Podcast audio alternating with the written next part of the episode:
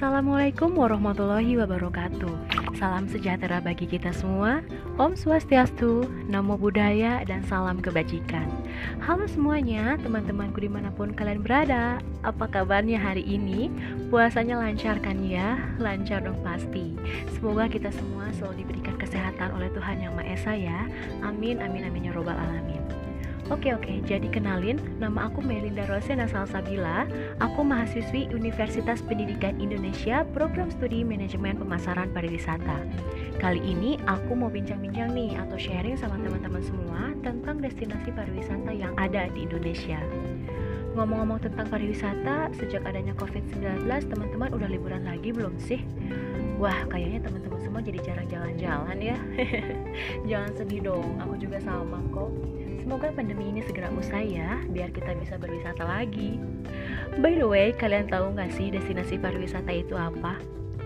Jadi, destinasi pariwisata itu kawasan geografis yang berada dalam satu atau lebih wilayah administratif yang di dalamnya terdapat daya tarik wisata, fasilitas umum, fasilitas pariwisata, aksesibilitas, serta masyarakat yang saling terkait dan melengkapi terwujudnya kepariwisataan. Nah, di Indonesia ada 50 sebaran destinasi pariwisata nasional loh. Wah, banyak banget ya. Jadi makin bangga deh sama negara kita.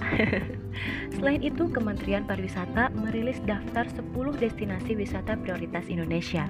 Ke-10 tempat yang masuk di dalamnya diharapkan mampu mendatangkan jutaan wisatawan dari tahun ke tahun berikutnya. Mau tahu nggak 10 destinasi wisata prioritas di Indonesia itu ada apa aja? Oke, yang pertama ada Danau Toba di Sumatera Utara, terus ada Tanjung Kelayang di Bangka Belitung, Mandalika di NTB, Wakatobi di Sulawesi Tenggara, Pulau Morotai di Maluku Utara, Kepulauan Seribu di Jakarta, Tanjung Lesung di Banten, Borobudur di Jawa Tengah, Bromo Tengger Semeru di Jawa Timur, dan Labuan Bajo di NTT. Wah, kebayang ya, semuanya pasti indah-indah banget.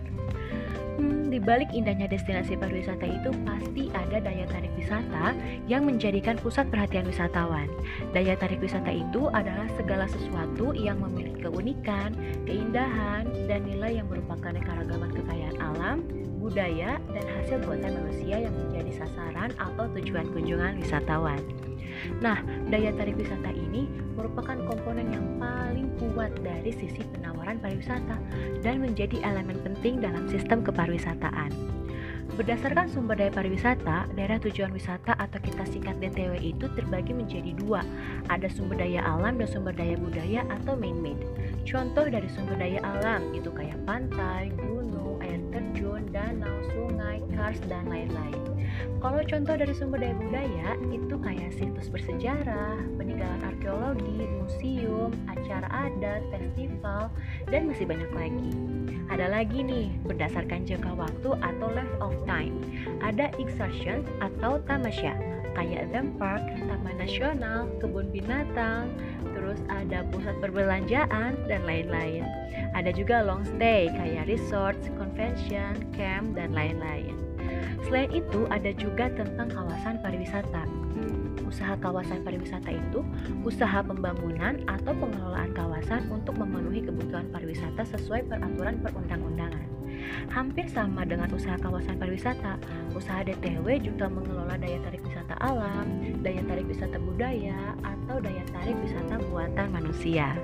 Contoh dari usaha, usaha daya tarik wisata meliputi pengelolaan pemandian air panas alami, pengelolaan gua, pengelolaan peninggalan sejarah dan purbakala, pengelolaan museum, pengelolaan objek ziarah, dan wisata agro. Wah, oke okay, teman-teman. Ternyata kita bisa lebih tahu ya destinasi pariwisata di Indonesia itu sangat beragam sekali. Mari kita jaga kelestarian kawasan pariwisata di negeri kita ini. Bagi kalian yang mau kirim saran dan kritik, bisa DM di Instagram aku @mei.rosia. Akhir kata aku pamit. Terima kasih banyak. Wassalamualaikum warahmatullahi wabarakatuh.